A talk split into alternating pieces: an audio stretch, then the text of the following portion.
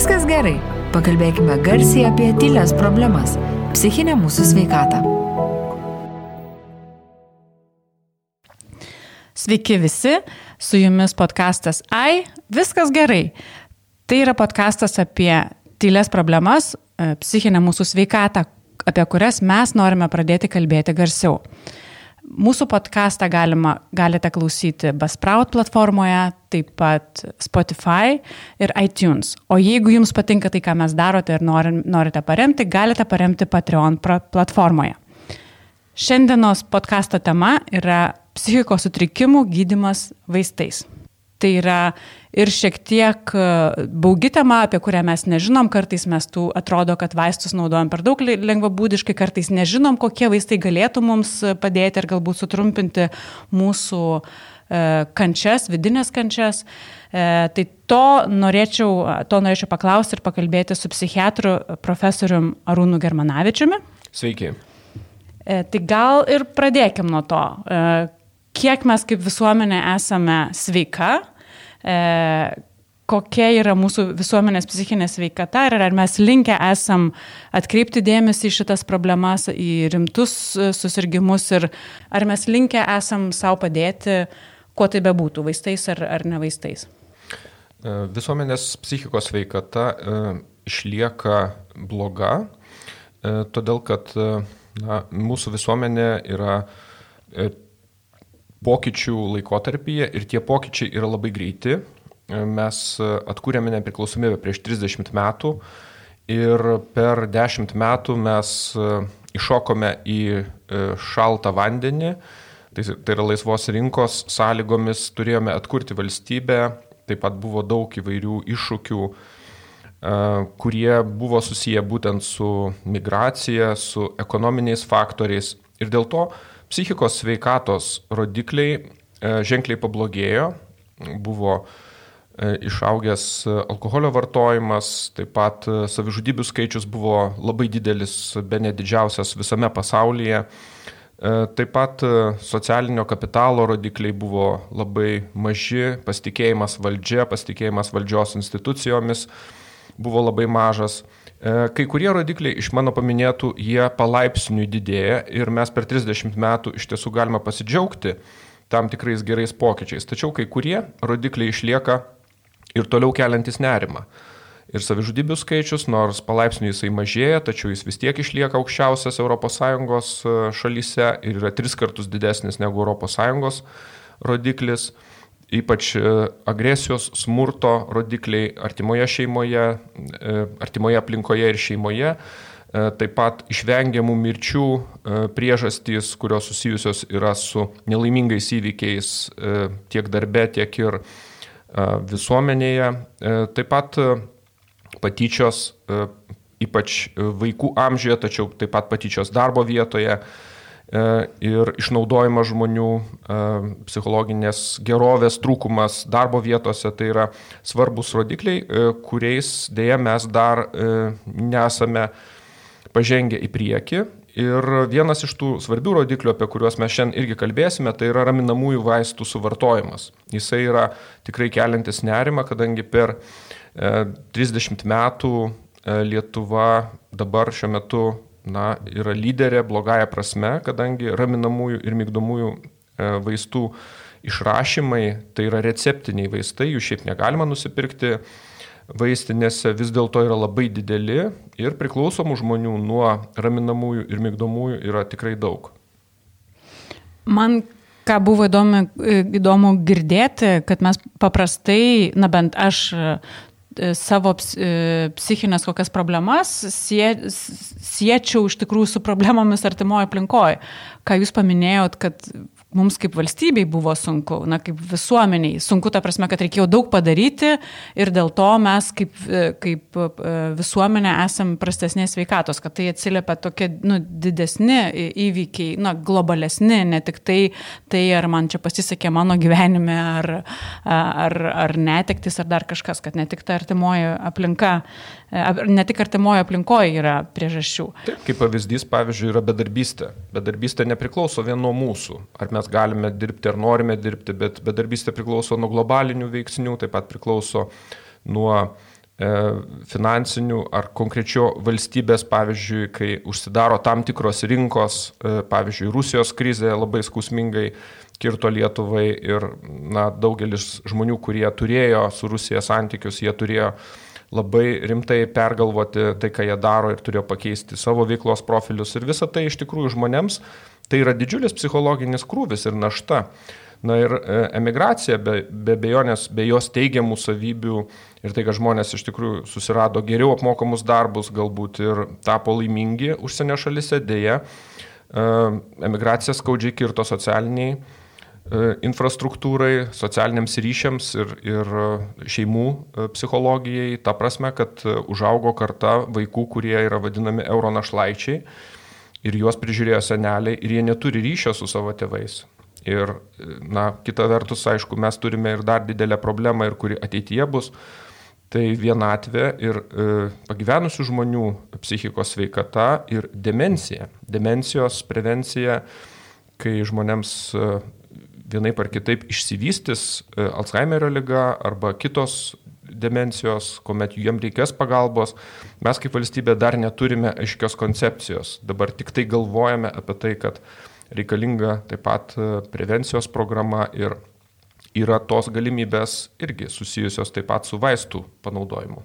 O kaip, nes minėjot, kad na, mums prašiau su ta psichinė sveikata yra, bet ar mes pripažįstam kaip visuomenė, ar jūs pastebit kaip psichiatrai, e, kad žmo, daugiau žmonių kreipiasi, nes e, kaip aš suprantu, į psichiatrus jau kreipiasi tada žmonės, kai yra truputėlį na, daug sunkiau negu šiaip tik tai nuėjus e, ir, ne, ir nepadeda terapija. E, kur, kur yra jų stipresni, stipresni išgyvenimai ir didesnės problemos. Tai ar žmonės, ar daugiau žmonių, kurie pripažįsta, kad man yra sunku, kad aš negaliu to išspręsti priemonėm, kurias aš turiu aplinkui. Visame pasaulyje yra tendencija, kad psichiatrija ir taip pat psichiatrijoje dirbantys specialistai yra stigmatizuojami tai nėra vien dėl to, kad yra gydytojas psichiatras, kuris manoma, kad na, jo uždavinys yra išrašyti vaistus. Taip irgi nėra, nes tai yra per siauras požiūris. O kaip yra, nes gydytojas, aš nežinau irgi. Gydytojas mhm. psichiatras, e, jis privalo na, mokėti įvertinti psichikos būklę ir nustatyti e, psichikos ir elgesio sutrikimą, remiantis tarptautinėmis metodikomis ir tarptautinėmis klasifikacijomis ir paskirti tokį gydimo planą, kuris apimtų viską. Jis turėtų apimti ne tik tai gydimą vaistais, tačiau turėtų į šį gydimo planą, jeigu yra reikalas, būtinai turi būti psichoterapija arba kitos e, įvairios psichologinio konsultavimo arba psichologinės pagalbos priemonės. Taip pat į šį planą turėtų įeiti psichosocialinė rehabilitacija, jeigu žmogus yra praradęs įgūdžius ir, pavyzdžiui, dėl psichikos sutrikimo Pavyzdžiui, depresija, jisai praradęs yra dalį dar savo darbingumo. Arba jis, jam yra sunku, pavyzdžiui, atlikti kasdienės veiklas, pavyzdžiui, rūpintis savo asmens higieną, rūpintis vaikais, arba e, jis negali, pavyzdžiui, e, atlikti kažkokių darbe e, sudėtingesnių galbūt funkcijų arba stresinių situacijų jam yra sunku valdyti. Tai reikalinga yra psichosocialinė rehabilitacija. Ketvirtas komponentas kuris reikalingas yra sunkesnių psichikos sutrikimų atvejais, tuomet e, reikalinga yra pagalba jau įsidarbinant arba darbe, nes dalis žmonių pasitraukia iš darbo rinkos būtent dėl psichikos veikatos problemų ir jie tampa ilgalaikiais bedarbiais. Ir vėliau jau valstybei na, nėra efektyvių jų gražinimo būdų. Todėl kuo anksčiau į šitą pagalbos ir gydimo planą mes tai galėtume tikrai vadinti gydimo planu, turi įsijungti socialiniai darbuotojai arba ergoterapeutai, kurie atsakingi yra už gražinimo į darbą planą. Taip yra pavyzdžiui Olandijoje, kur yra specializuota pagalba. Ir penktas komponentas - daliai žmonių reikalingas būstas. Ir už tai taip pat turėtų atsakyti psichikos sveikatos komanda, kuriai vadovauja psichiatras, kadangi daliai žmonių e, reikalinga yra savarankiško gyvenimo nuo, atskirai nuo savo tėvų, atskirai nuo tam tikrų toksiškų aplinkų. Mes kalbame dabar jau ir apie tas aplinkas, kurios tikrai netinka žmonėms ir dėja neturime daug pasirinkimo nes šiuo metu Lietuvoje egzistuoja socialinės globos namai, kurie yra kaip uždaros institucijos ir kuriuose dalis žmonių patekę tenai su psichikos sutrikimais tiesiog jie iki gyvenimo pabaigos tenai gyvena, na, o socialiniai būstai yra socialinių būstų labai, labai mažai. Tai tik tai, na, prieš keletą dienų mačiau žiniasklaidoje pranešimą, kad Europos bankas finansuos socialinio būsto projektus Lietuvoje, ko ilgai iš tikrųjų teko laukti. Iš tikrųjų, tai galbūt įdomu netgi padaryti atskirą laidą apie kaip gydomi Lietuvoje e, psichikos sutrikimai, e, na, apie įvairias priemonės. Šiandieną Taip. mes kalbam mhm. apie vaistus ir norėčiau truputėlį sugrįžti prie tų medikamentų. Tai ką mes čia turim, kokiais medikamentais galima gydyti arba yra gydomos, e, nes jūs paminėjote jau kelis, kas tai yra antidepresantai, kas, mhm. kokia yra paletė. Taip, pirmiausia, gal aš atsispirčiau nuo to, koks yra psichikos sutrikimų paplitimas. Tai e, psichikos e, sutrikimai ir psichikos problemos yra dvi e, didelės grupės e, problemų, e, kurios e, na, iš esmės skiriasi tuo, kad esant tam tikroms problemoms, kaip jūs minėjot, neringa, kad nebūtinai reikalingas yra gydimas vaistais. Tam užtenka psichologo konsultacijos, tam užtenka netgi gero draugų patarimo, tam užtenka tam tikrų fizinių pratimų, atsipalaidavimo, mankštos arba reguliariai išeiti pasivaikščioti. Ir tai sumažina stresą, sumažina įtampą, sumažina e, tų problemų mastą ir poveikį mums, mūsų sveikatai. Tačiau yra tam tikra riba, kada psichikos sveikatos problemos virsta sutrikimais, kurie jau gali būti diagnozuojami remiantis klasifikaciją ir už ką atsakingas yra e, gydytojas, bet ne tik psichiatras. Už tai atsakingi ir šeimos gydytojai, ir kitų specialybių gydytojai taip pat turėtų mokėti įtarti ir gydyti dažniausiai pasitaikančius psichikos ir elgesio sutrikimus. Tai e, apie sutrikimų gydimą būtent tas vienas iš penkių komponentų yra vaistai. Dabar e, kokie dažniausi yra psichikos elgesio sutrikimai visuomenėje? Tai yra nerimo sutrikimai. Nerimo ir nemigos e, sutrikimai, jie yra patys dažniausi. Dalis jų yra susiję su stresu, dalis yra susiję su asmenybės žmogaus savybėmis ir jautrumu, pažydžiamumu e, stresui, taip pat negebėjimu kartais spręsti tam tikrų gyvenimiškų situacijų, konfliktinių situacijų. Tai nerimo sutrikimams gydyti e, vaistai yra skiriami tik tada, kada nerimas būna labai stiprus ir jis daro labai didelį poveikį žmogaus sveikatai. Kaip pavyzdžiui, panikos sutrikimas. Panikos sutrikimas pasireiškia keletų epizodų, kurių metu užeina labai stipri nevaldoma baime, kurios metu žmogui atrodo, kad mm, jis gali mirti, kadangi jis jaučia tokius labai nemalonius ir labai varginančius jį tuo metu e, požymius, kaip širdies plakimas, prakaitavimas, rankų drebėjimas, galvos vaigimas, e, galvos gali būti ir skausmas. E, jam atrodo tuo metu, kad jam susto širdis ar kad širdis iššoks iš krūtinės ir kad jis toj vietoj lik numirs arba jam reikia kuo greičiau, atrodo, pabėgti iš tos vietos. Tai paprastai panikos sutrikimas jisai pasireiškia tuo, kad praėjus tokiam epizodui, kuris praeina be jokių vaistų ir be jokių kitų e, iš esmės priemonių, tik mokantis nus, e, nusiraminti, atsipalaiduoti, tiesiog ramiai kvepuojant, jis praeina, tačiau žmogui e, atmintyje lieka šitas prisiminimas kaip labai nemalonaus ir jo neva gyvybei sukėlusi pavojų, taip, mhm. grėsančio įvykio. Ir dėl to vėliau atsiranda vengiantis elgesys. Žmogus pradeda vengti tokių įvairių situacijų, kurias jas prisimena, kuriuose tas panikos e, sutrikimas, panikos epizodas išsivystė. Visa tai priveda prie labai rimtų socialinių pasiekmių. Ir panikos sutrikimus sergantys žmonės, tiek vyrai, tiek moteris, dažniausiai tai yra darbingo amžiaus žmonės, jie kartais socializ, e, socializuotis nebepaėgia ir jie izoliuojasi nuo draugų, nuo, nuo visuomenės, jie nebesinaudoja viešuoju transportu, nes jeigu tai įvyko autobuse ar troleibuse, tai jie nebesinaudoja šituo, nes galvoja, kad tai gali būti kažkas pavojingo, bijo galbūt skraidyti lėktuvais arba važinėti liftu, arba eiti per tiltą, atsiranda papildomai dar įvairiausių baimių ir vengiantis elgesys išsiplečia į visas gyvenimo sritis. Tai tokiu atveju reikalingas ir labai efektyvus yra gydimas antidepresantais. Antidepresantai derinami yra paprastai su psichoterapija. psichoterapija gali būti įvairių rušių priklausomai nuo to, e, kokie psichologai arba psichoterapeutai tą psichoterapiją taiko. Tai gali būti psichodinaminė psichoterapija, tai gali būti kognityvinė elgesio terapija arba kitos. Ir e, derinyje su antidepresantais tai yra pats efektyviausias gydimo būdas, jeigu pacientas laikosi to gydimo rekomendacijų, tai paprastai per pusę metų žmogus gali pilnai pasveikti. Problema yra ta, kad žmonės nesikreipia laiku, kad jie visą laiką atidėlioja, kad jie sako, ai, viskas praeis. gerai, ai, praeis. praeis. Taip. Tai va čia labai. Arba net nežino galbūt, kad čia jau reikėtų kreiptis, kad čia ne, nėra sveik, šiaip sveikatos sutrikimas. Taip. Nes na, aš prisimenu, kai man pirmą kartą buvo, aš galvoju, kad šiaip ant širdis truputėlį sustreikavo. Nu ir ką sustreikavo, tai Taip. tai sustreikavo, mhm. praeis. Taip.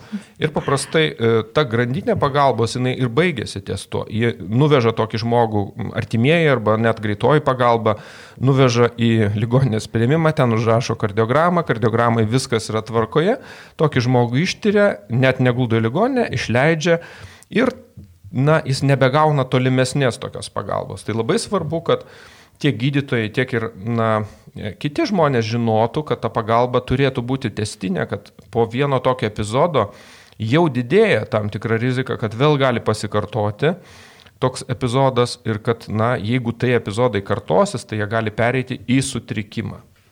O be kitų, va, e, e, be kitų bent antidepresantų, kokie yra dar yra vaistai ir taip pat, ką jūs paminėjot, kad va, jeigu e, pacientas laikosi, tai padeda. Ir kaip mes laikomės, ar mes, mes labiau išsigastam ir sakom, kad jau, nu, kai jau bus tikrai blogai, tada paimsiu tą tabletę, ar imam ir dar pridedam nuo savęs papildomą.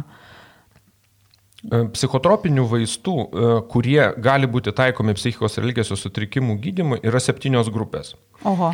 Ir mm, mes na, taikome paprastai vieną, kurį nors e, iš tų vaistų priklausomai nuo to, kokiai, kokiam sutrikimui priklauso, kokiai grupiai priklauso šitas susirgymas. Tačiau problema yra ta, kad kartais Ir tas kartais tai nėra taip jau retai, maždaug pusiai e, visų žmonių būna ne vienas sutrikimas, bet būna du, o kartais net ir trys sutrikimai. Tai yra komorbidiškumas, tai yra lydinčios diagnozės. Ir pavyzdžiui, gali būti taip, kad e, depresija sergant žmogui e, yra ir nerimo sutrikimas. Arba dažniau būna, kad nerimo sutrikimas prasideda, pavyzdžiui, kyla panikos e, tam tikri priepoliai arba yra e, žmogus visą laiką labai įsitempęs, nerimastingas ir jam yra sutrikusi, pavyzdžiui, atmintis arba darbingumas ir vėliau tai priveda ir prie depresijos, išsivysto palaipsniui ir depresija. Tai vienu metu yra du, du susirgymai, kuriuos gydant, pavyzdžiui, antidepresantai yra irgi labai veiksmingi Ir, na, antidepresantai, ko gero, tai būtų pagrindinė, aš sakyčiau, klasė psichotropinių vaistų, kurie e, Lietuvoje dėja yra per mažai naudojami. Ir manau, kad jų, pavyzdžiui, veiksmingumas yra įrodytas daugelį studijų. Yra taip pat studijos, kurios e, kalba apie tai, kad antidepresantų paskirimas nėra tikslingas, kai nėra problemos dar tokios, kurios yra išsprendžiamas psichoterapija, pavyzdžiui, tai galvoti apie tai, kad kuo anksčiau mes pradėsim antidepresantų skirti, tai yra irgi neteisinga. Turi būti tam tikras jau sutrikimo sunkumas e, ir turi būti tam tikri galbūt net ir elgesio būdai, kur žmogus pakeitė savo gyvenimo būdą dėl to, kad jam yra atsiradę e, šitie simptomai, šitie požymiai tai tik tada antidepresantai yra veiksmingi. Žodžiu, kuo sunkesnis yra nerimo sutrikimas ir kuo sunkesnė yra depresija, tuo jų poveikis yra, yra geresnis. E, tyrimai taip pat rodo, kad antidepresantai yra labai veiksmingi gydant ir miego sutrikimus. Ir miego sutrikimai yra taip pat glaudžiai susiję ir su depresija. E, taip pat e, antidepresantai veiksmingi yra, kai yra e, įvairios priklausomybės. Ir jeigu žmonės, pavyzdžiui, pradeda vartoti mm, narkotikus arba dažniau alkoholį, tai e, dažnai irgi priveda prie depresijos ir tokiai depresijai gydyti taip pat antidepresantai irgi padeda. Bet visus šitus vaistus čia nereikia bijoti, kad tu nueisi kažkur nusipirksi ir pradėsi naudoti. Čia reikia visiems e, psichiatro, e, gydytojo recepto. Čia... Visi, visi psichotropiniai vaistai, mano išvardinti septynių grupių, e, jiems reikalingas yra receptas, bet nebūtinai psichiatro. Dalis šitų vaistų yra išrašoma ne psichiatro, pavyzdžiui, bendrosios praktikos gydytojo arba gydytojo neurologo, arba netgi esant reikalui e, tą vaistą gali išrašyti ir kitų specialybių gydytojai. Nes mes e, jau praeitose laidose kelis kartus kalbėjome apie tą didėjantį įprotį, E, kad pasakyti, kad ai, aš turiu va čia Xanaxo e, rankinėje, vatikalsiu ir viskas bus gerai, e, praeis. Ir, na, nebūtinai čia spręsiu toliau, nespręsiu pro, problemas. Antras klausimas, bet kad, nu, kad mes laviruojam tarp to nenaudojimo, nes, na, baisu, iki tokio lengvabūdiško vartojimo. Ar, pirmą, tai ar tai yra tiesa ir ar va toks va sprendimo būdas, kai kažkas, nežinom, ar rimtai ir naudojam tą e, vaistą galbūt ne tose situacijose, kur reikėtų naudoti, kaip čia su įpročiais mūsų yra. Taip, yra, yra antra pagal savo svarbą raminamųjų vaistų grupė, tai yra raminamieji arba mygdomieji vaistai, arba dar mediciniškai jie vadinami benzodiazepinai. E, šalia benzodiazepinų dar yra ir ne benzodiazepinai, kurie e, mygdo ir kurie ramina taip pat, bet jų galbūt yra mažiau šiek tiek. Tai e, visa šita grupė, jinai yra probleminė tuo požiūriu, kad e, žmonės, nors tai yra ir receptiniai vaistai, jie e, labai dažnai, jeigu išsirašo ir paprašo gydytojo, kad jie turėtų, pavyzdžiui, esant nerimui, jie pradeda naudoti net ir esant labai paprastoms situacijoms. Kadangi na, pajutę net nedidelį nerimą arba esant, e, tarkim, trumpai nemigai, kuomet 15-20 minučių negali užmigti, jie iš karto galvoja, ai, vis dėlto išgersiu tą tabletę, kadangi e, rytoj darbo diena, man reikia kuo greičiau užmigti, išsimiegoti ir e, nededa jokių pastangų tam, kad patys savo jėgomis arba galbūt su psichologo arba kokia nors artimo, artimo žmogaus pagalba tą problemą sumažintų.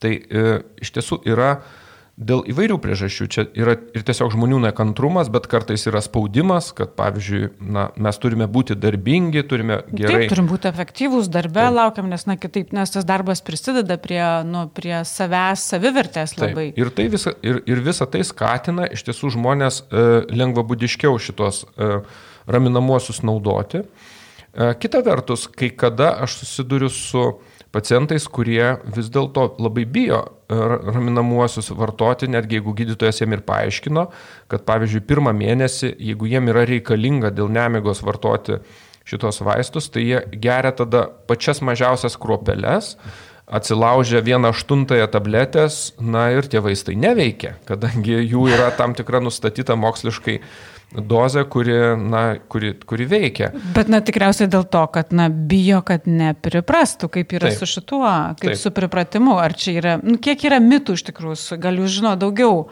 e, kokių yra mitų susijusių su vat, vaistų naudojimu. Taip. E, raminamieji vaistai, jie e, veikia iš tikrųjų labai greitai. Jie veikia toj pat. Tai tuo jie skiriasi nuo visų kitų psichiatrijoje naudojamų vaistų, kadangi daugumoje Kitų e, atvejų e, vis dėlto psichiatrinių vaistų poveikis nėra greitai pajuntamas. E, raminamieji jie veikia iš karto ir jie pasižymė keturiais poveikiais. Tai yra, jie ramina nerimą, jeigu tai yra sustiprėjęs nerimas, bet taip pat jie didesnėmis dozėmis gali mygdyti. Kai kurie iš jų neturi to mygdomojo specifinio poveikio, tačiau didesnės jų dozas gali vis tiek mygdyti. Taip pat jie slopina traukulius ir dauguma jų naudo, gali būti naudojama, pavyzdžiui, traukulių slopinimui. E, ir jie atpalaiduoja lygiosius raumenis. Atpalaiduoja apskritai visus raumenis, skersaruožius ir, ir lygiosius. Ir tai E, veda prie to, kad e, vyresnio amžiaus žmonėms jie gali būti tikrai pavojingi, kadangi e, prisigėręs raminamųjų žmogus gali labai blogai koordinuoti savo judesius ir nukristi. Bet jau galbūt prisigėręs daugiau negu reikėjo. E, ne, e, kartais vyresnio amžiaus žmonėm e, pradinė dozė raminamųjų turėtų būti dvigubai mažesnė negu suaugusiems žmonėms. Ir ypač jeigu jie turi lydinčių susirgymų, ypač jeigu jie turi širdies kraujagyslių susirgymų arba inkstų susirgymų, nes šalinami šitie vaistai daugumo atveju per inkstus, tai dėl to tikrai, na, turime ir vyresnio amžiaus žmonių, kurie tampa palaipsniui priklausomi, kadangi na, jie efektyviai nuima nerimą e, ir taip pat mygdo, bet laikui bėgant jų poveikis išsenka. Ir dėl to reikalingos didesnės dozės ir susiformuoja palaipsnintas priklausomybės mechanizmas. Vėliau nutraukus juos, jeigu pacientas, pavyzdžiui, nebeturi ir staiga baigėsi jie namuose savaitgali arba E, nepatenka pas gydytoją, tikrai gali būti labai didelė rimta problema, tai yra staigus nutraukimas, o jų staigus nutraukimas yra labai pavojingas. Jisai gali taip pat sukelti labai stiprų nerimą. Čia raminamųjų mygdomųjų. Taip, mhm. raminamųjų mygdomųjų, taip. Ir staigus nutraukimo sindromai gali net e, privesti prie tokios na, psichozinės būklės, kuri mediciniškai vadinama delyrų. O kaip, pat, e, jeigu galėtume daugiau truputėlį papasakoti apie apie tas priklausomybės, kas, kas grėsia, nes, na, yra tos baimės, kad mhm. jeigu aš pavartosiu, priprasiu ir jau nebegalėsiu be jų. Kaip yra, ar mes tikrai prie visko priprasim, ar čia daugiau įsivaizduojam, negu taip atsitiks? Moksliniai tyrimai rodo, kad trijų mėnesių laikotarpis yra pakankamas dažniausiam gyvenime pasitaikančiam psichikos e, problemoms, kurios jau turi raminamųjų vaistų pagalbą, tačiau per tuos tris mėnesius mes neturime užmygti ir nieko nedaryti. Mes vis tiek turime pakeisti kažką, kažką savo daryti, gyvenime, kas... Mm. suprasti priežastis, išanalizuoti tas priežastis ir būti labai sąmoningiams, ką mes darome kiekvieną dieną, nes tie sutrikimai ir tos problemos, jos neatsiranda lygioje vietoje staiga kaip iš gėdro dangaus, jos dažniausiai kaupėsi. Ir susikaupia dėl to, kad mes kažką darome neteisingai arba mes nepastebime savo minčių automatinių, kurios, kurios galbūt kyla iš anksčiau ir esame įpratę galvoti vienu būdu. Ir kartais veikiame labai destruktyviai, kartais save arba savo artimus žmonės arba santykius gadiname ir dėl to, na, mums e, gali būti, kad e, tikrai susikaupia tai per laiką. Ir per tris mėnesius, mėnesius išsprendus tas problemas paprastai galima labai saugiai nutraukti tą gydimą palaipsniui. Ir nesusiformuoja ir nesusiformuoja jokia priklausomybė. Taip. Tai jeigu, jeigu iki trijų mėnesių jie gali padėti, o nuo trijų mėnesių jau tada kas? Tačiau e, trijų mėnesių laikotarpis tai nėra absoliuti riba. Nes kai kuriems žmonėms, pavyzdžiui, ypač jeigu jiems E, yra kitos lydinčios dar problemos, tarkim, kad mm, jų, pavyzdžiui, nerimo e, būklė sąlygojo, pavyzdžiui, na, tai, kad jie patyrė, pavyzdžiui, miocardo infarktą, nes yra tokių atvejų, kada psichikos sutrikimai yra susiję ir su somatiniais susirgymais. Arba kada, pavyzdžiui, dėl nerimo būklės atsirado e, arterinė hipertenzija ir nekontroliuojama arterinė hipertenzija, laikosi kurį laiką dėl to. Labai mokslin, šitais terminais operuojat, kuriuos mhm. nežinau, ar visi mūsų klausytojai mhm. supras.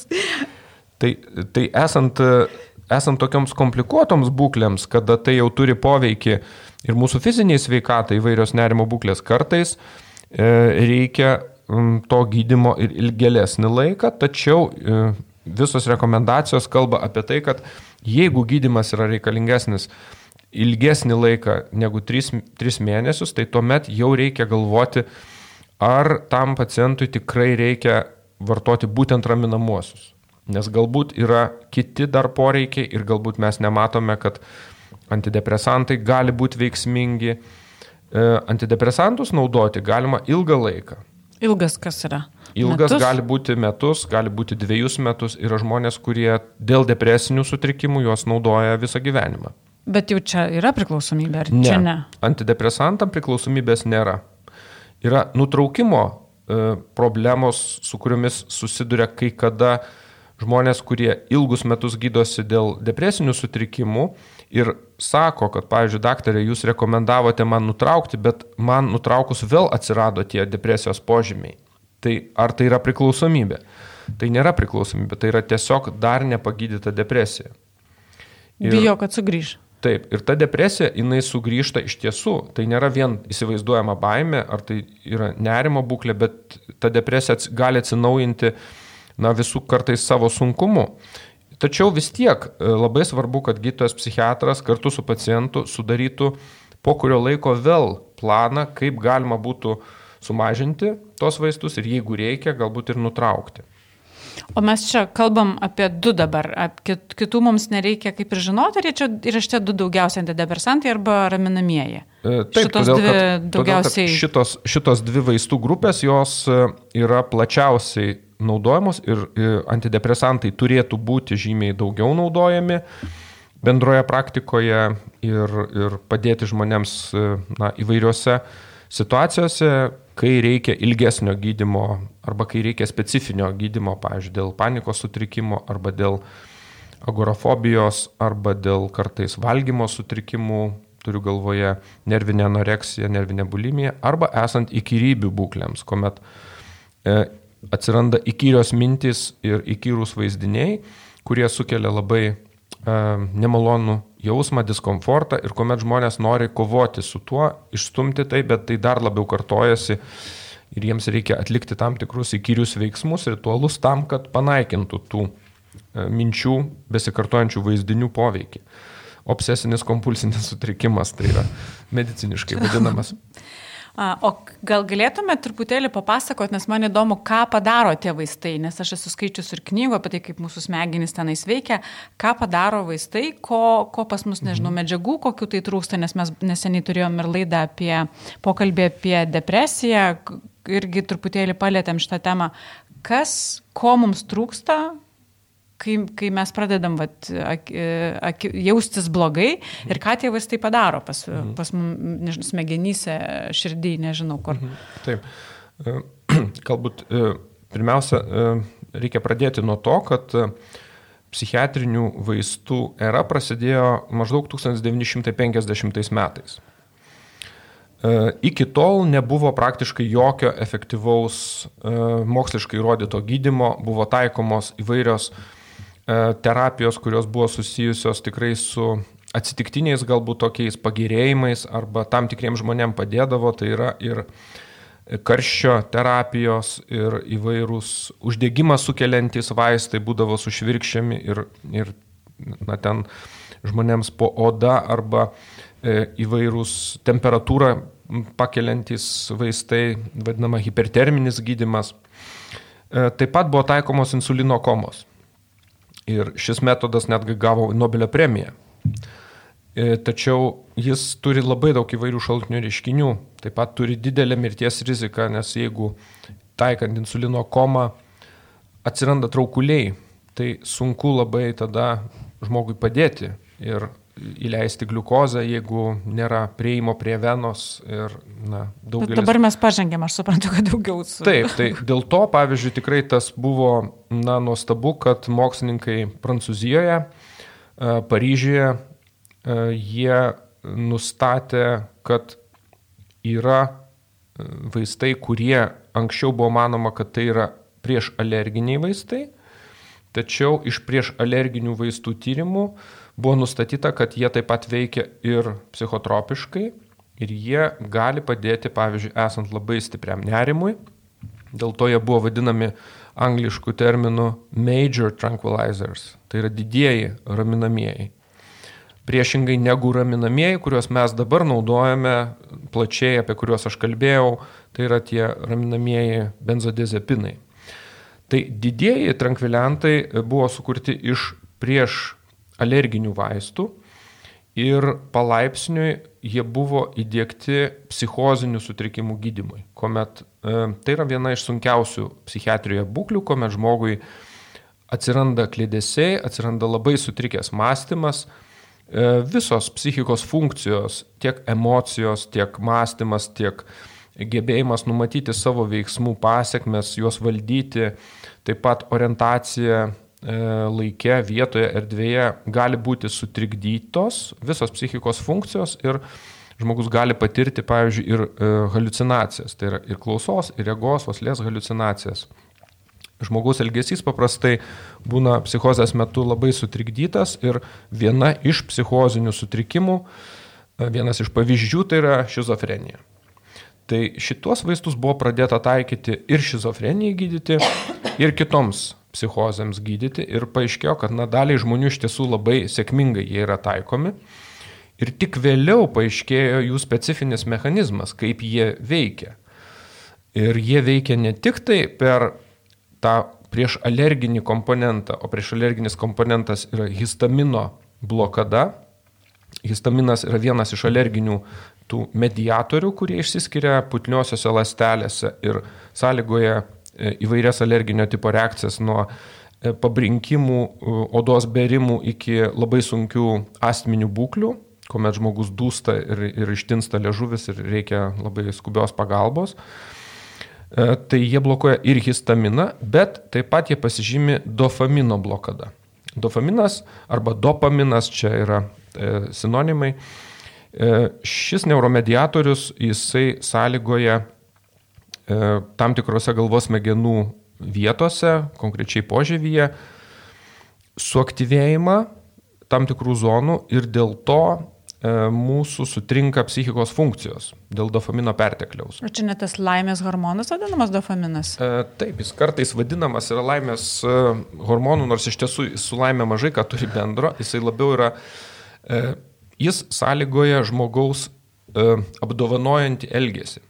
Tai yra, kada žmogus tikisi, pavyzdžiui, laimėti milijoną eurų e, loterijoje arba, na, jis tikisi gero kažkokio tai rezultato ir jis, pavyzdžiui, pasiekia kažkokį tai, na, pasiekimą ir tas, na, hormonas sąlygoja būtent organizmo pasiruošimą tam. Tai čia kaip pasitenkinimas. Taip, jisai, jisai, taip, dopaminas mhm. dalyvauja pasitenkinimo mechanizme. Tačiau pats savaime jis nėra sąlygojantis pasitenkinimą pasitenkinimą arba laimę, laimės pojūtį sąlygoja visai kita sistema. Tai yra endokanabinoidų sistema, kuri susijusi labiau su skausmo perdavimu, taip pat blokuoja skausmo perdavimą ir trūkstant, pavyzdžiui, endokanabinoidų, tai e, būtent žmonės jaučia kartais labai stiprius skausmus. Dopaminas jisai sąlygoja uh, kai kurių halucinacijų atsiradimą ir jo perteklius, pavyzdžiui, pastebimas yra e, paauglių, kurie žaidžia labai sudėtingus video žaidimus, kur reikia šaudyti, kur reikia persekioti priešą, reikia gintis, reikia dirbti Kas komandoje. Čia veikia? Čia noras veikti? Čia... Taip, čia irgi mhm. panašu, kad e, reiškia, turi susikoncentruoti labai aiškiai į vieną tikslą, apriboti visas kitas funkcijas ir atsiriboti nuo visų kitų dirgiklių, tai yra tikslo siekimas, bet kuria kaina ir na, bandymas, rizikavimas kartu tai yra tokie na, e, elgesio būdai, kurie yra irgi taip pat susiję su apdovanojimu. Tai e, eksperimentiniuose modeliuose taikant e, šitos video žaidimus, daugumai tyriamųjų paauglių išsiskirdavo labai dideli dopamino kiekiai ir jie praktiškai prilikdavo šizofreniją sergančių žmonių dopamino kiekiams. Tik tai sveikiems žmonėms tai e, yra natūralu, kad smegenys sugeba tuos dopamino kiekius perdirbti ir žmonėms nepasireiškia tie po, poslinkiai, kurie gali atsitikti sergant e, šizofreniją. Tai e, Na, yra ir eksperimentiniai kitokie modeliai, kaip pavyzdžiui, dopaminas išlaisvinamas tiesiog iš nervinių galūnėlių, taikant tam tikras medžiagas, kurios turi halucinogeninį poveikį irgi. Tai, na, įvairūs tyrimai, kurie nuo 50-ųjų metų iki dabar yra atliekami, jie įrodo tą e, psichiatrinių vaistų poveikį. Ir, pavyzdžiui, na, psichozės mechanizmas, e, jis tikrai yra žinomas, kad sąlygojama yra dopamininės sistemos disfunkcijos.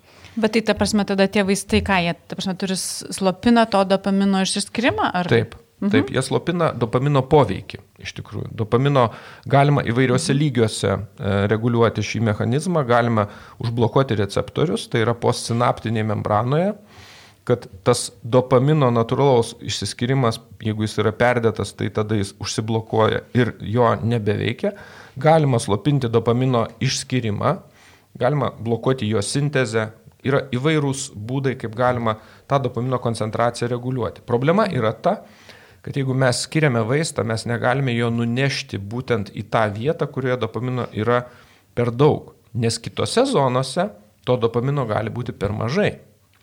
Ir tada gali e, būti na, tam tikri ir šalutiniai reiškiniai. Ir psichiatrijoje pasitaiko, kad taikant e, vaistus, ypač prieš psichozinius vaistus, tų šalutinių reiškinių atsiranda ir jie pasireiškia tuo, kaip rankų drebėjimas, kaip sąstingis, e, raumenų rigidiškumas, tai yra irgi sunku atlikti tikslius judesius. Taip pat eisenos sutrikimai arba koordinacijos sutrikimai tokie, kurie yra panašus į Parkinsono lygą sergančiojo požymius. Bet tai nėra Parkinsono lyga. Tai yra tik, tik medikamentinis parkinsonizmas, kuris praeina iš karto nutraukus tą vaistą. O tada kita grupė, nes mes dabar kalbėjome apie antidepresantus, kurie kažką padaro su dopaminu. Ne, čia buvo antipsichoziniai vaistai. Aha. Čia yra trečia grupė. Aha. Mhm. Čia yra prieš psichoziniai vaistai, kurie buvo sukurti iš prieš alerginių vaistų ir buvo, buvo labai sėkmingai naudojami ir yra naudojami gydyti šizofreniją ir mhm. įvairius psichozinius sutrikimus. O ką tada daro va, tiek, ką jie, ką jie patenkina e, pas mūsų organizmo viduje, pirmieji du antidepresantai ir tie raminamieji? Taip, o antidepresantai. Ko mums trūksta tuo metu? Taip, o antidepresantai veikia na, labai įvairiai. Pavyzdžiui, iš tos psichiatrijos vaistų sukūrimo istorijos galime matyti, kad antidepresantai pirmieji, e, dalis jų veikia ir histamino e, receptorius, jie taip pat veikia ir dopamino receptorius, jie taip pat veikia ir acetilcholino receptorius. Ir dar N apie 20, taip, apie 20 įvairių neuromediatorių. Ir jie, na, Mm, galim taip sakyti, kad atstatydavo tų neuromediatorių balansą, tačiau aišku, kad e, šalutinių reiškinių e, prasme pirmosios kartos antidepresantų, tai vadinamų triciklių antidepresantų, e, šalutinių reiškinių buvo žymiai daugiau, tokie kaip burnos džiuvimas, sutrikęs matymas, reiškia, sunku būtų akies e, žvilgsnį e, perkelti iš, to, iš tolimo regėjimo į artimą, taip pat e, kai kada užkėtėję viduriai. Ritmo, širdies ritmo sutrikimai ga, gali būti ypač pagyvenusiems žmonėms naudojantiems triciklius antidepresantus. Na ir daug įvairių šaltinių reiškinių, kurių, kurių mes čia visų nesuminėsime. Tačiau šitie antidepresantai, jie manoma, kad veikia visus neuromediatorius. Vėliau iš jų buvo išskirtas serotoninas. Serotoninas buvo išskirtas eksperimentų metu, kad būtent žinduolių smegenyse jisai yra vienas iš tų irgi neuromediatorių, kurie labiausiai sąlygoja depresijos atsiradimą Ir e, gyvūnų modeliuose jis buvo patvirtintas, kad būtent serotonino e, yra santykinis deficitas, kuris nulėmė dalį arba didesnę dalį depresijos simptomų. Tai čia yra tas laimės hormonas serotoninas, ar irgi ne? Jis vėlgi yra ne tiek laimės, kiek jis atsakingas labiau už mūsų motivaciją, už mūsų um, geros nuotaikos lygį, taip pat jis atsakingas už mūsų gebėjimą susikaupti ir iš dalies dalyvauja ir atminties mechanizmuose. Taip pat e, valgymo elgesys, pavyzdžiui, mūsų apetitas e, arba e, kai mes e, suprantame, kad maistas yra skanus ir mums norisi jį valgyti, tai irgi dalyvauja serotoninas. E, kas depresijoje yra labai svarbu, kadangi daliai žmonių tai e, reiškia yra... Nesukelia džiaugsmo. E, taip, maistas nesukelia džiaugsmo, arba atvirkščiai žmonės per daug valgo depresijos metu ir tiesiog, na, slopina nerimą. Tai atstatant šitą serotino balansą, šitas elgesys taip pat labai sėkmingai keičiasi ir žmonės pasveiksta nuo depresijos. Tai selektyvūs serotonino atgalinės reabsorpcijos inhibitoriai, SSRI grupė. Sudėtingai. Kurie e, prasidėjo nuo Prozako. Ta Prozako karta. Aha. Prozako karta, mhm. taip. taip. Mhm. Tai dabar turim Xanaxo kartą. Deja taip. Ir mes čia iš tiesų, aš sakyčiau, kad nuregresavom, kadangi, reiškia, raminamieji, jie buvo anksčiau sukurti negu, negu antidepresantai, ypač prozakas. Ir raminamieji, e, na, vakarų pasaulyje, jie taip pat, aišku, yra paplitę. Ir yra problema, pavyzdžiui, Prancūzijoje yra didžiulė problema, kur irgi milijonai žmonių naudoja įvairius raminamuosius ir kartais net ne po vieną, o, o po du ir po tris. Tačiau labai svarbus yra ir žmonių samoningumas, ir, ir labai svarbus ir gydytojų samoningumas, kad gydytojai vis dėlto jaustų atsakomybę ir pacientams, na, lengva ranka neišrašinėtų šitų raminamųjų arba paaiškintų, kad jų, na, gydimas turi būti kartu su pagalba, su psichologiniam terapijom arba su būtent samoningumo didinimu tam tikrose jų gyvenimo sritise. O kaip e, Lietuvoje, kokį tendencija kokia, ar kad e, labiau yra polinkis duoti vaistų, nes žmogus nori vaistų ir nori, kad greičiau tas skausmas vidinis praeitų, ar negebėjimas kažko daryti e, ir, ir, ir nenorima ten lysti giliai ir analizuoti savo problemų, spręsti jas, keistis ir čia užtrunka metais, metais metų, kaip ar, ar, ar tas, kaip, kaip šitoj vietoj kaip tai išspręsti, kad, nes nu vaistai atrodo, va, išgersi, praeis, nuims skausmą ir, ir važiuoja taip, kaip, toliau. Taip, kaip aš minėjau, kad e, Lietuva dabar priejo tokią kritinę ribą, e, nes e, raminamųjų medžiagų, būtent benzodiazepinų, išrašymai pasiekė rekordinės aukštumas per 30 metų.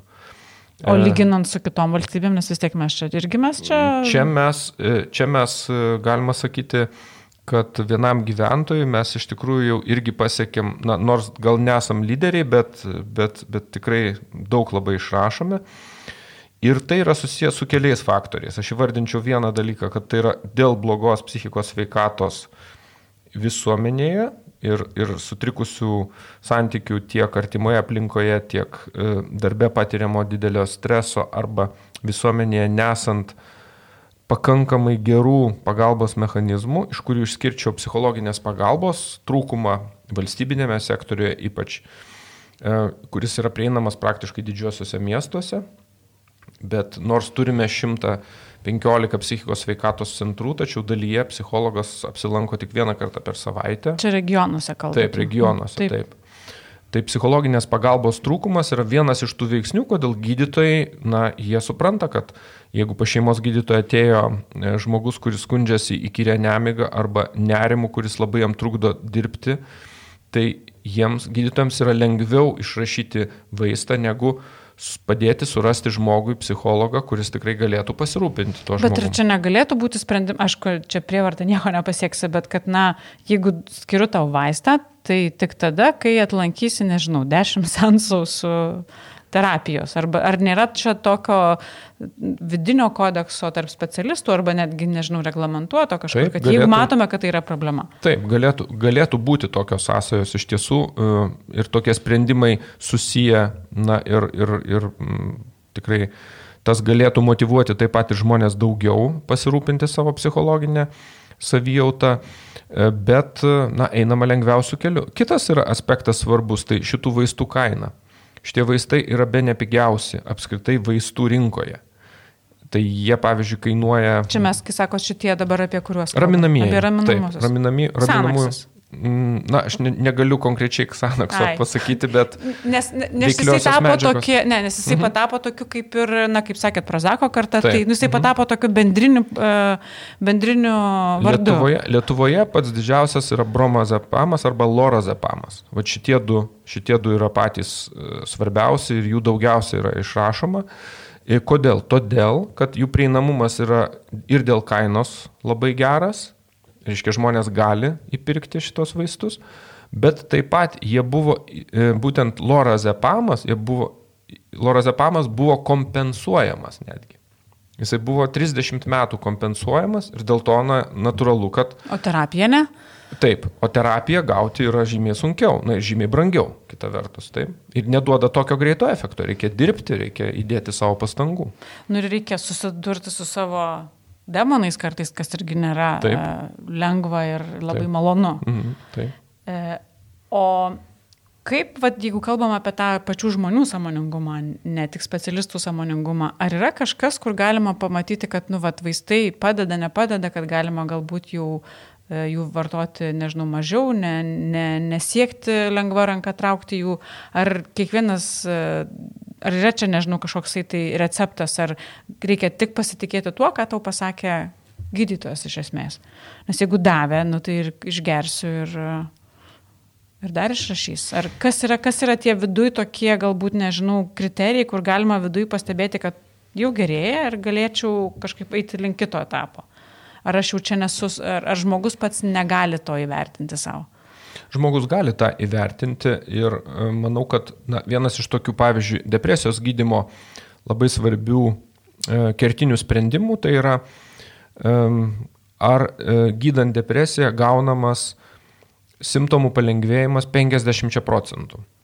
Tai pavyzdžiui, kaip analogija nerimo sutrikimams mes irgi galime taikyti, pavyzdžiui, tam tikras nerimo vertinimo skales ir žmogus tas skales gali irgi susirasti, pavyzdžiui, jų, jų yra ir internete. E, Aišku, šeimos gydytojai galėtų patarti, tiesiog užpildyti tokias nerimo vertinimo skales ir jų bazinio įverčio sumažėjimas, tai yra nuo to pradžios, kol dar nebuvo paskirtas tas gydimas, e, jisai irgi yra kaip tam tikras, reiškia, atskaitos taškas, kuomet aš jau galiu jausti, kad tų simptomų nebėra, kad jau pavyzdžiui dvi savaitės aš vartoju tuos vaistus ir man tikrai labai gerai jie padėjo, jie padeda, kaip minėjau, greitai. E, Ir aš tada jau pradedu daryti tai, kas gali pakeisti mano gyvenimą, kas gali pakeisti mano požiūrį į tam tikras galbūt problemas arba mane sustiprinti.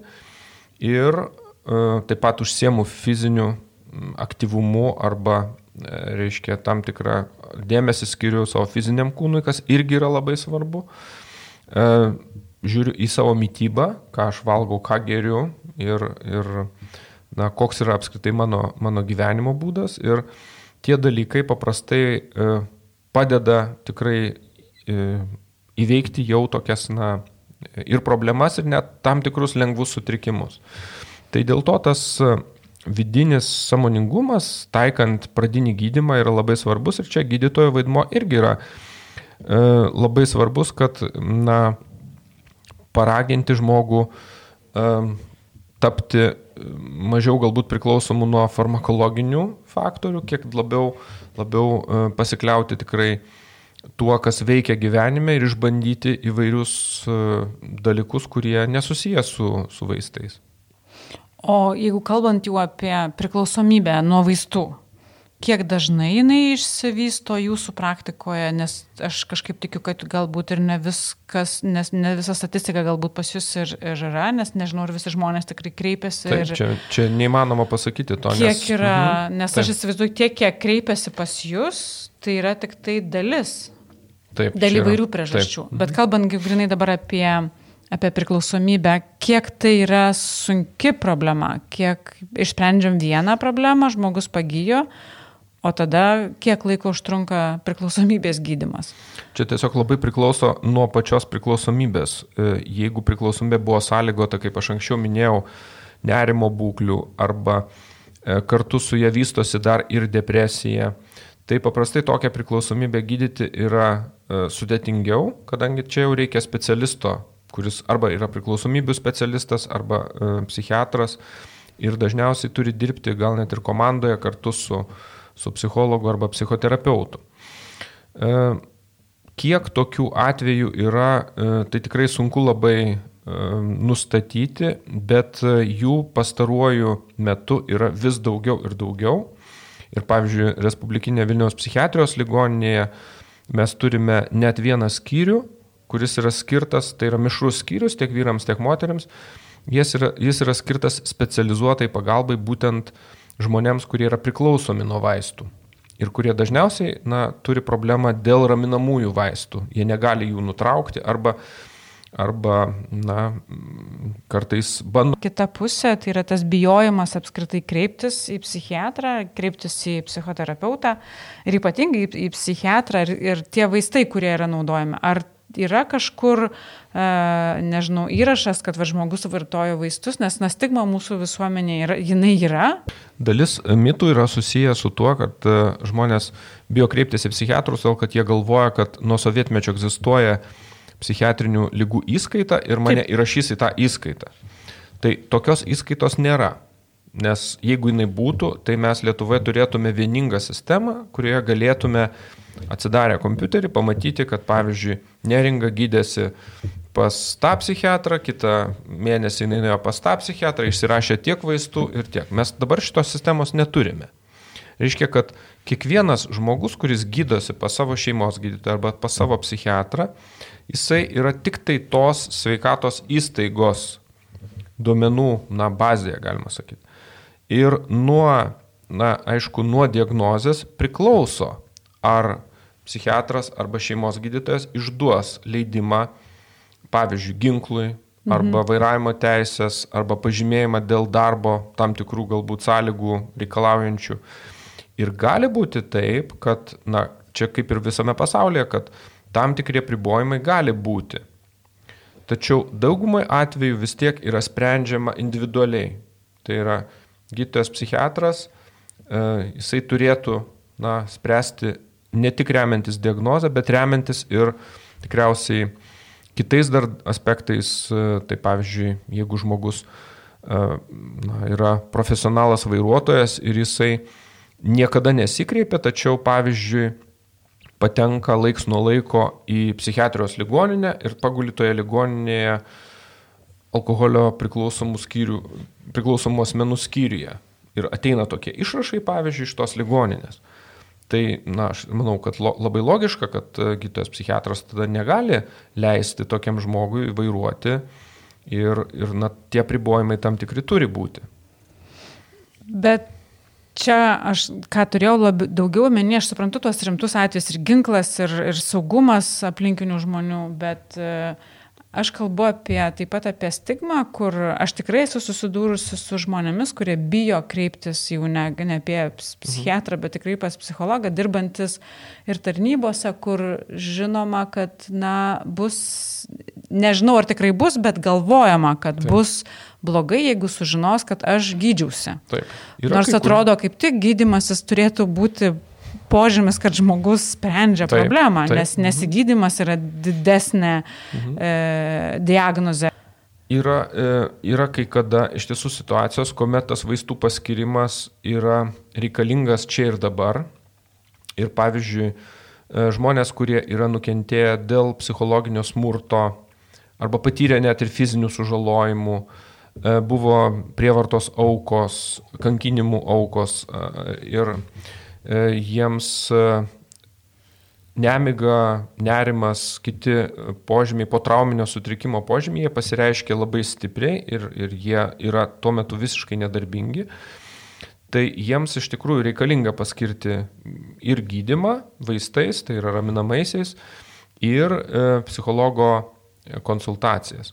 Problema čia yra e, ta, kad pavyzdžiui, kai kuriuose sistemose, tai yra krašto apsaugos sistemoje, Jeigu komisija gauna duomenis, kad tas žmogus, pavyzdžiui, kreipėsi į psichologą ir lankė, pavyzdžiui, psichoterapiją, nesvarbu dėl kokių priežasčių, ir yra psichiatro tiesiog tik tai įrašas, kad jam yra, buvo nustatyta, pavyzdžiui, adaptacijos sutrikimo diagnozė. Tai e, komisija dažniausiai visus žmonės, kurie turėjo yra bent kokią psichiatrinę diagnozę, neleidžia būti profesionaliais kariškiais. Tai Kas tai man manau, atrodo yra nesuprantama, nes, nes manau, kad daug kurie yra mhm. nesikreipę ir taip. turėtų diagnozę tokią pačią taip. ar netgi dar didesnę. Taip, tai čia, čia iš tiesų yra, na, šitoje srityje yra perdėtas toksai e, apsaugos galbūt mechanizmas ir bijojimas. E, na, iš kitos pusės, tai teko, ben, teko yra bendrauti su uh, E, užsienio šalių medikais, tai tarkim Šveicarijoje, tokios selekcijos nevyksta paprastai ir psichiatrai nėra įpareigojami dabar spręsti čia kažkokių tai situacijų, kurios neva turėtų pasikartoti, ateityje, turėtų įvykti ateityje, blogos situacijos. Ir kaip tik iš tiesų tas rodiklis, kad žmogus kreipėsi, jisai laiku sureagavo, turėtų būti vertinamas, na, kaip teigiamas, teigiamas dalykas. E, psichiatras užsienyje yra kviečiamas į, pavyzdžiui, e, kariuomenę tada, kada įvyksta kažkokie elgesio pokyčiai tam žmogui. Ir kada aplinkiniai, pavyzdžiui. O kai patys žmonės nusprendžia, ar, susi, ar, ar kiek dažna tai yra problema, kad žmonėms vat, yra išrašoma, kad reikia vat, šito tiek, šito tiek, po tiek laiko, vat, dvi savaitės gerk ar ten mėnesį gerk, o iš tikrųjų žmonės, vat, pasak, kaip jūs sakote, pasiema pusę tabletikės ir, na, užteks, truputį, mhm. va čia šiandien jau geresnė mhm. nuotaika, nu tai gal jau nebereikia. Taip. Kiek tai yra dažna problema? Čia yra labai dažna problema.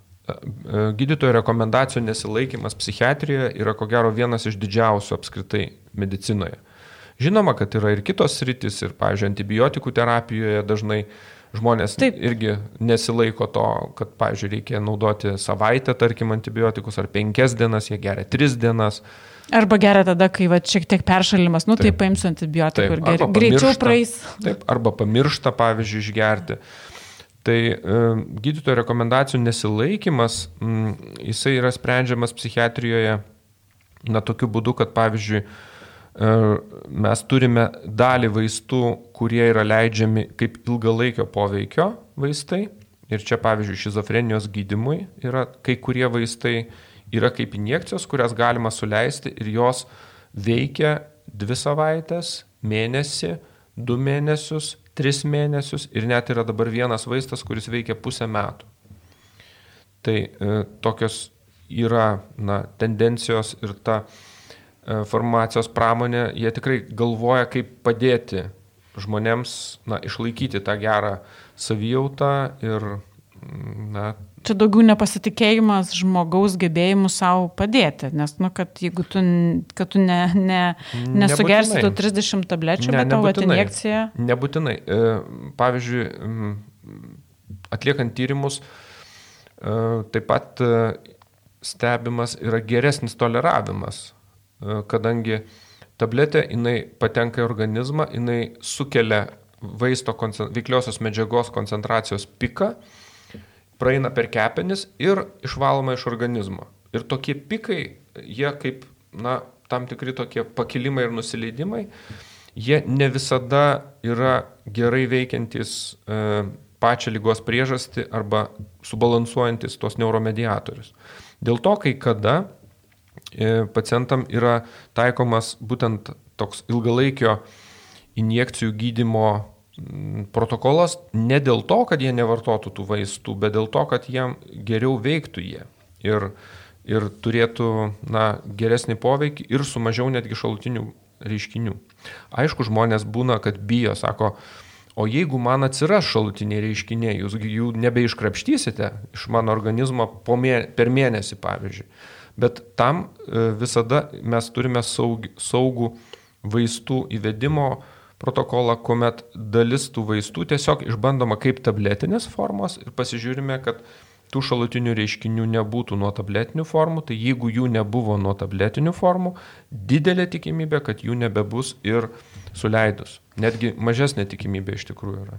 O jeigu vat, grįžtant dar prie tų dviejų pagrindinių, tai yra antidepresantų ir raminamųjų, e, kalbant apie poveikį žmogui, e, aš suprantu, kad kiekvienam atėjus daktaras tikrai pasakys, ka, kaip tu jausiasi, bet gal galima irgi šitoje vietoje truputėlį paaiškinti, o kas būna, kai tu juos išgeri. Taip, pavyzdžiui. Ta prasme, kas tai yra, ar tai, na, žinau, akise prašviesėja, mhm. ram, ramuma ir lygiai taip pat e, padėti ar jų artimiesiams suprasti, kas dabar su tuo mhm. žmogum vyksta, kad va čia išgeria, nežinau, po valandos ir kažkas vyksta su tuo žmogum. Mhm, taip. Kaip aš minėjau, kad e, antidepresantai neveikia iš karto. Antidepresantai veikia per keletą na, dienų, o kai kada net reikia iki dviejų savaičių palaukti, kol tas tikrasis prieš depresinis poveikis jisai e, būna stebimas. E, antidepresantų poveikis gali būti priklausomai nuo to, kokiai klasiai, kokiai antidepresantų veikimo grupiai priklauso vaistas. Ir jeigu jis turi, pavyzdžiui, irgi migdomąjį poveikį, antidepresantas su migdomuoju poveikiu, tai tas migdomasis poveikis tada pasireiškia iš karto. Reiškia, jau kitą rytą žmogus jaučiasi žymiai geriau išsimiegojęs ir jam palaipsniui atsistato nuotaika, palaipsniui grįžta apetitas. Aš galvoju, kad tu pasakysi, kad kaip tik labiau miega daugiau, mėguistas yra. Ne, ne, visiškai ne. Ta prasme, kad aišku, čia labai priklauso nuo vaisto dozės, nuo pradinės dozės, tačiau paprastai, jeigu mes pradedame pirmą kartą žmogui, kuris nėra gavęs, pavyzdžiui, antidepresantų anksčiau ir dabar pasireiškia vidutinio sunkumo depresija, tai įprastinė vienos tabletės dozė, pavyzdžiui, mes nesukeliam jokių šaltinių reiškinių.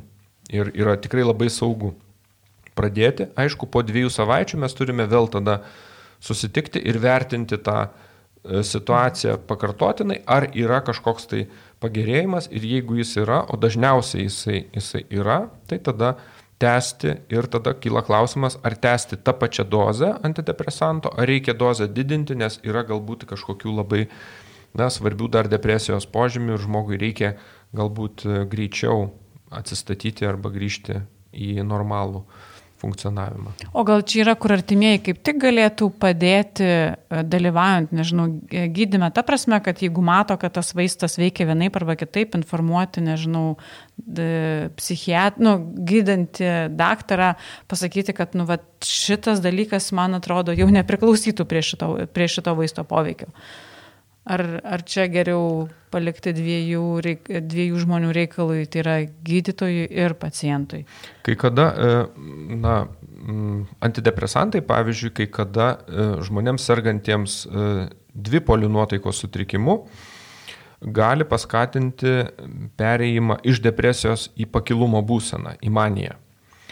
Tai čia šiuo atveju aplinkinių žmonių nuomonė yra be galo svarbi, nes pats pacientas jis niekada nepasiskus.